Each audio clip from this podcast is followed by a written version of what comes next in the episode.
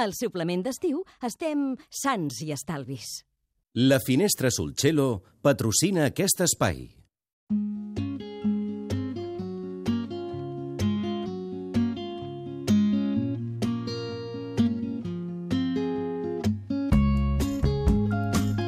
Mireia, bon dia. La Mireia Anglada ja sabeu que és xef especialista en cuina natural i avui parlem del, dels olis. Suposo que parlarem sobretot de l'oli d'oliva, que és el nostre, per entendre'ns, el de tota la vida, però també d'altres, perquè no s'acaba el món dels olis a la cuina amb l'oli d'oliva. No, evidentment que no. Hi ha un munt d'olis a fer servir a la cuina. I a més a més una cosa molt important, clar, tothom diu els olis són molt saludables, l'oli d'oliva és fantàstic, però si el cuinem malament és un desastre. Aquest i qualsevol altre, no? Aquí anava jo. Per tant, aquí la, la tècnica o la cocció o la temperatura és fonamental perquè una cosa bona segueixi sent bona, després no sigui una cosa dolenta, eh? Mm -hmm. És així, eh? Tal qual, suposo? És així. Si vols, comencem amb l'oli d'oliva, ara Sí. que l'has dit. Home, si utilitzem oli d'oliva, jo sempre recomano que sigui oli extra verge, de primera pressió en fred. En Mhm. fred. Primer perquè aguanta temperatures de 210 graus. Llavors la gent em diu, ostres, però això és molt. Bueno, és molt i no. Si jo un oli l'he tingut Saps aquests garrafons que anem a comprar ara a l'estiu al poble i els portem? Sí. Un oli d'aquests, si el tens un any, es pot malmetre, perquè l'oli es malmet per la llum, per l'aire... Eh? Llavors, aquests olis, que potser els deixem allà fora a la galeria i els tenim allà, es malmeten quan els fem servir. Llavors, aquest oli, en lloc d'arribar a 210, arriba a 180, vale? per un tema d'oxidació prèvia. Uh -huh. Llavors, un més important, Adam, principi de tot, és guardar els olis en un armari on no toqui massa calor ni la llum. Això és molt important si anem al poble, que està bé perquè són olis molt bons. D'acord. Si parlem d'olis de llavors, que ara estan de moda, a mi m'encanta uh, utilitzar l'oli de cànyam, que és dolcet, no sé si l'has provat alguna vegada. L'oli... No, no l'he provat, el de, el de cànem. El de cànem, sí, Mhm. perdona, és boníssim. Jo el faig servir amb amanides i, i el combino, com és un oli dolç, el combino amb, amb olis de llavors, com de carbassa, d'oliva, i així jugo molt amb la part organolèctica. Uh -huh. Aquests olis, tant el de can, cànem Uh -huh. com el de carbassa, com el de sèsam, és molt important desar-los a la nevera, Val. vale? perquè tenen una part insaturada important. Llavors, tots aquests olis nosaltres no els podem calentar a més de 140 graus, perquè si els calentem a més de 140 graus comencen a oxidar-se. Clar, però jo ara molta gent està dient ja, ja, però és que jo com cuino no sé quina temperatura està aquell oli que estic cuinant. Com ho sé si m'estic passant de temperatura? No tinc un termòmetre que em diu, ah, n'hi ha, eh? però és igual. No tinc un termòmetre que em diu si això està a 200 o 140 o 150, jo què sé. No? Per això et deia al començament, si hem de fer coccions, fem-ho amb oli d'oliva. Deixem els olis de llavors perquè de seguida es deteriore- deterioren. L'oli d'oliva a 180 graus, com sabem que està a 180? Si tu li tires una miqueta de pa Sí? o una mica de tèmpora, amb el moment que la tèmpora o la miqueta de pa puja cap a la superfície de l'oli, vol dir que està a 180 graus. D'acord.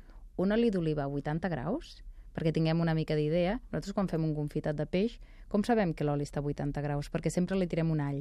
Sí. I amb el moment que l'all comença a treure bombolletes, nosaltres sabem que està a 80 graus, que és el que utilitzem pel confitat. Val. Si surt, comença a sortir fum d'un oli, malament, no? Sí, perquè llavors ja ens hem passat del 210, i aquí sí que no ens interessa. Vale. Amb el tema de les fritures també podríem parlar, eh? Per, perquè la gent em diu, home, Mireia, estem en cuina saludable, l'oli, fregir, fer una croqueta... Bueno, tot el seu, el seu rotllo. I una tèmpora és saludable si la fas bé, Adam. Uh -huh. perquè aquí juguem molt en la temperatura de l'oli. Si jo vull fer una tèmpora, agafaria l'oli i la posaria a 180 graus. I és molt important submergir el producte dintre de la matèria grassa. Eh? Perquè la gent em diu, i jo ho feia, ara que ve l'estiu, no em vull engreixar, tinc uns quilos de més, fantàstic. Poso la paella, poso poc oli, tiro la croqueta. En el moment que li dono la volta, com la croqueta està freda per dalt, què passa? Que m'absorbeix tot l'oli. D'acord. I el fet de posar poquet oli, acabes menjant el doble. Val. En canvi, si submergeixes el producte de la tèmpora o de la croqueta dins l'oli, per contrast tèrmic fa una capa al voltant i l'interior es fa el vapor. Fer les fritures malaguenyes, que no tenen cap sobrant d'oli sobre el paper. Sí que és veritat, sí. Clar. Per tant, és important, quan fem un fregit, que no, que no regalimi oli quan l'estem traient, que no quedi pringós. Vol dir que hi ha alguna cosa que no hem fet bé, eh? Si regalim a oli vol dir que estem per sota de 180 graus. Val. Mm. I si surt fum ens n'he passant i tampoc és bo. No, si surt fum ens hem passat de temperatura. Val. Per tant, l'oli d'oliva per cuinar perfecte, els olis de llavors com de girassol, de carbassa, de cànem, que deies de lli... Eh, que el de lli, cuidado, eh? perquè el de lli sí que ha obert de seguida la nevera, perquè aquest és el més inestable de tots. A 40 graus ja es malmet, comença a oxidar-se. Si no sabeu la procedència, millor no consumir-lo. Mm -hmm. I després també tenim el gui o l'oli de coco, n'has sentit a parlar? Sí, el, el, gui, el gui és, és mantega clarificada. Què és el, el gui? És, està fet amb mantega, amb un producte làctic, no? És mantega clarificada, Ah, però no això. porta ni la caseïna ni la lactosa. Val, per tant, és bo. De, de fet, s'aconsella, jo no ho aconsello, perquè sempre em fan por aquestes coses, però s'aconsella per, per gent amb intoleràncies làctics també. Eh? Mm -hmm. Val. I són dos olis que aguanten 300 graus, les temperatures. L- ah, Hem parlat del gui perquè el gui és G-H-E-E, per, Oh, per la gent sí? que ho perduda, uh, i l'oli de coco, que ara el coco s'ha convertit en el producte estrella que és a tot arreu, Sí. i, i, i que si galetes de coco, que si llavors de coco, que si no sé què de coco, i l'oli de coco sobretot com a gran recomanació per, per cuinar, no? Per què? Perquè aguanta altes temperatures. 300 graus. Però sempre s'havia dit que l'oli de coco era un producte que no era gaire bo. Aquest, I el veiem molt als productes industrials, l'oli de coco, de fet. Doncs ara no, s'han fet estudis que demostren que l'oli de coco sí que és un greix insaturat, Mhm. el que passa que com és de cadena mitja, entra directament en sang i no passa pel fetge. Uh -huh. Llavors jo, faig, jo vaig fer un curs de dieta cetogènica fa, fa uns dies i ells donaven molt èmfasi la, a l'oli de coco perquè és super saludable. Uh -huh. Sí que és veritat que tot té gust a coco. Llavors, si hem de cuinar amb coco, doncs hem de jugar amb altres matisos de sabor per trencar aquest sabor que tot ens recorda el mateix, no? Però jo us convido, perquè és divertit, fer un wok amb un oli de coco. I el fem servir igual que l'oli convencional. Igual, Igual, eh? Igual, Igual, que l'oli d'oliva. sí. Per tant, per- allò que deies d'oli d'oliva per cuinar, també oli de coco. També, i també Eh? el gui. I, I així també provem altres alternatives. Molt bé. I els altres els fem servir per en fred, per amanir, per fer salses, pel que ens vingui de gust. Sobretot per amanimentes, per marinats, per, es, per escabatxats o per confitatge a baixa temperatura, encara un de girassol. Però no el fem servir per coure perquè realment és òxid. Mm -hmm. Molt bé. I tots a la nevera, tret del de coco i el d'oli d'oliva, seria? O No, jo els guardaria. Bueno, l'oli d'oliva no cal, el de coco sí perquè agafa molt També? de sabor. Perfecte. Sí, és una mica com el gui, no? La mantega, la mantega, també. Però s'han de guardar. Has vist que té un compartiment la mantega només Sí, per ella? sí. Perquè absorbeix totes les olors de la nevera. I al coco li passa bastant el mateix. Val. Els greixos saturats. I li posem a dins o no així? Sí, però Sí, ben eh? filmadet, Però bé, eh? I a la- l'emboliquem bé. Molt bé. Molt bé, doncs eh, avui hem repassat algunes de les eh, característiques dels eh, olis importants, olis saludables, amb la Mireia. Gràcies. A tu, Adam. La Finestra Sulcello. Productes d'alimentació ecològics de primera qualitat, sempre sense ou, sense sucres i sense lactis. El sabor del benestar des de 1978 per aquells que volen menjar sa i natural. El suplement d'estiu. Amb Adam Martín.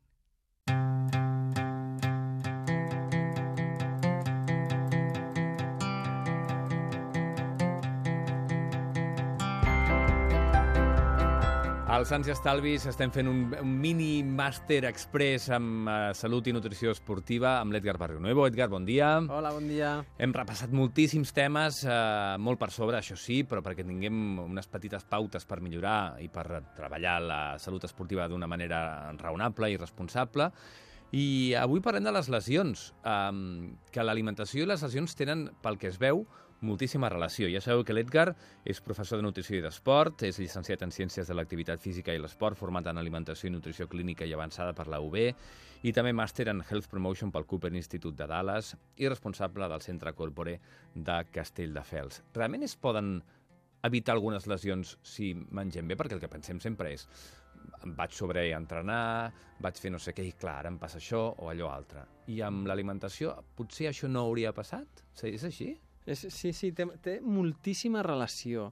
Eh, de fet, eh, molts esportistes i de, ara d'alt nivell cada cop estan a- empleant més, més recursos i, i posant més presència a la forma de com s'alimenten perquè estan veient de, de real, realment la relació tan directa que hi ha en tenir un bon estat d'estructura muscular i el que menges. Vale? Al final, pensa que els teus músculs, els teus tendons, els teus ossos, els teus lligaments, tot eh, són doncs, un, un conjunt de cèl·lules que es van formant i es van juntant allà i que, i que es formen a partir d'una matèria prima. Aquesta matèria prima ve dels aliments, del que mengem. Vale? Llavors, eh, si nosaltres mengem d'una forma saludable i adaptada al tipus de vida i al tipus d'esforç que fem, farem que tota la nostra estructura muscular, tota la nostra estructura de moviment, vale, tingui una qualitat superior. Al tenir una qualitat superior succeeixen dues coses. Per un costat, que jo tinc energia per fer eh, el meu esforç, el mm -hmm. meu esport, vale? I, I què passa? Que mo moltes lesions quan venen? Venen quan hi ha un defalliment, quan el múscul està, està cansat, quan l'estructura no té els recursos necessaris, quan no hi ha una bona eh, recuperació d'una contracció muscular, perquè nosaltres necessitem eh, nutrients per fer la contracció muscular, però també els necessitem per fer la descontracció. Uh -huh. vale? Llavors, això per una banda. I per una altra banda és que si jo porto una correcta alimentació, quan jo acabo d'entrenar i faig el descans, que és quan el nostre cos diu, vale, ara ja jo he fet l'esforç, ara porta'm aquí els nutrients i tot el que necessito. Si jo tinc una correcta alimentació, faré que el meu cos rebi uns nutrients de bona qualitat per començar a fabricar vale? totes les substàncies, les molècules, les cèl·lules que hem desgastat. I si això és de bona qualitat, començaré a tenir, doncs, és com un cercle positiu, no? Menjo bé, em recupero bé, entreno bé. Menjo bé, em recupero bé, entreno bé. Vale? Molt bé. I per la recuperació, eh? per, mm. per, perquè aquest cicle sigui correcte, mm. uh, com podem recuperar-nos correctament amb aliments? Vale, llavors, eh, quan, quan ens hem lesionat, vale? perquè hem tingut algun trauma, tenim una immobilització, eh, doncs el nostre cos mm, passa a la, a la inactivitat, mm. vale? perquè per recuperar-nos doncs hem de reposar i hem de descansar, vale? eh, la, la majoria del, de les vegades. Llavors, eh, primer, hem de pensar que els esportistes mm, tenen un gas energètic alt quan estan fent esport. Llavors, si ara passen a una inactivitat, vale, hem de compensar aquesta alimentació, perquè, perquè si després, quan comencem a la recuperació, l'esportista pues, ha agafat pes o, o està en una situació pues, diferent, pues, això farà que, que la recuperació sigui més, més lenta. Llavors hem de regular la ingesta calòrica, de, mm. per dir-ho d'alguna manera, per això.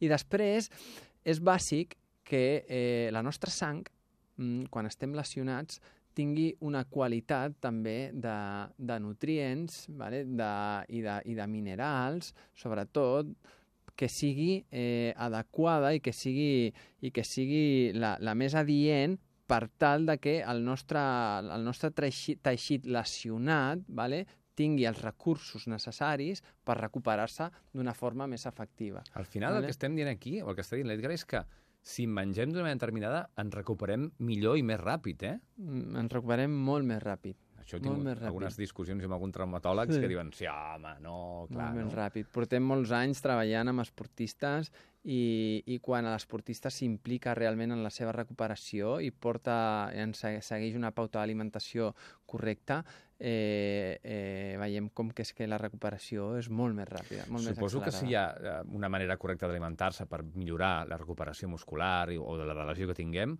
sigui quina sigui, eh, suposo que també hi ha alguns aliments que també deuen impedir aquesta recuperació més ràpida, no? O, mm. o millor? És sí, així?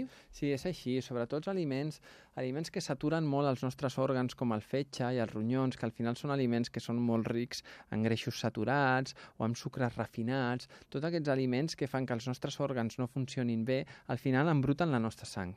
Uh -huh. vale?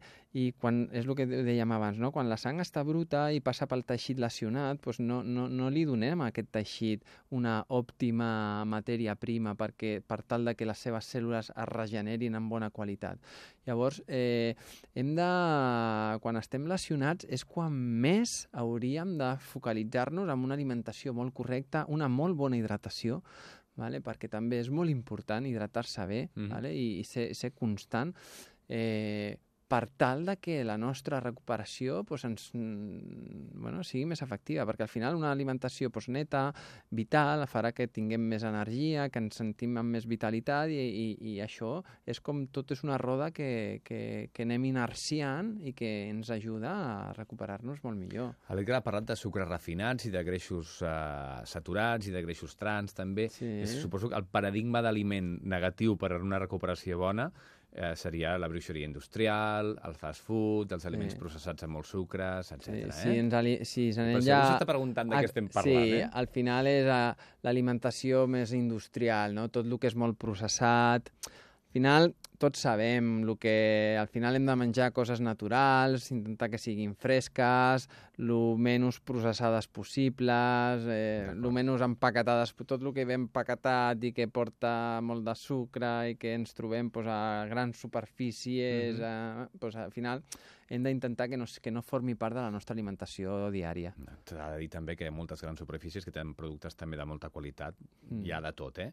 Però sí que és veritat que el 80% del que trobem Sí. és, són productes que no són gaire bons. Per acabar, uh, hi ha alguns aliments que ens permetin mantenir un bon funcionament dels músculs i que diguis, mira, aquests aliments van molt bé per, per, per aquestes qüestions. Mira, per sobretot, evitar lesions, eh? sobretot els, els aliments que són molt rics en minerals, vale? i al final això, eh, què és el que és molt ric en, en, en minerals? Pues el que absorbeix els minerals de la, de la terra, no? i això pues, són les verdures, les fruites, vale? els, els cereals de gra integral, les llegums, tot això, els fruits secs però naturals, vale? que no siguin pues, ni freixits ni, ni ensucrats ni tal. I tots aquests minerals fan que el nostre cos tingui pues, un, un balanç mineral molt positiu perquè la nostra sang tingui un bon flux i tingui una bona capacitat de regenerar teixit eh, pues, que ha estat lesionat.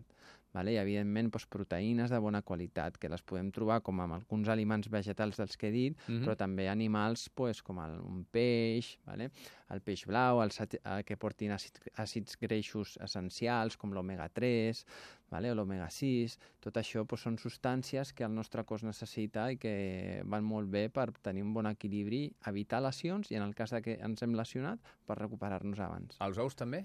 Els ous també. Sempre els aconsello que siguin... Intentar que els ous seria un dels aliments que els hauríem de menjar de molt bona qualitat. D'acord. Va? Intentar que siguin ecològics o d'alguna font que nosaltres sabem que, que estan, doncs, són de gallines. De... I la carn? No has parlat gaire de la carn. La carn, sobretot la carn vermella, no parlo molt perquè és una carn que és, sol ser bastant rica en greixos saturats. Mhm. vale? Jo intento que els meus, els meus esportistes no abusin molt de la carn vermella, que mengin una o dues vegades a la setmana.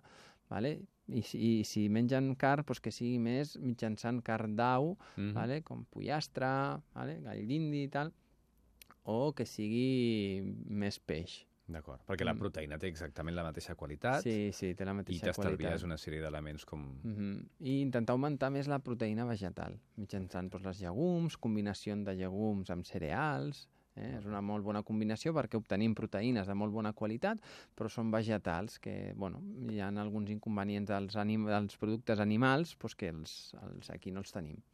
D'acord, doncs uh, ho deixem aquí, aquest tema és realment molt interessant, eh? també, el de com evitar lesions o com millorar-les un cop les tenim a través de l'alimentació i com evitar-les també.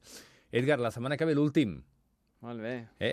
hem parlat molt del que hem de menjar i del que no, però potser la setmana que ve, si et sembla, perquè no parlem de com fer un alto, eh? com fer un descans Mm -hmm. i com donar al cos una mica de treva perquè es torni a posar a lloc i parlem de, del dejuni, que també dejuni. és important. Sí, Mm. suposo que l'entrenament, descansar és important, descansar el sistema digestiu Mm -hmm. també deu ser important. Sí, hi ha moments en els que, en el que pot ser molt, molt positiu fer, Perfecte. fer una parada No? Moltes al gràcies. camí. Vinga, vosaltres.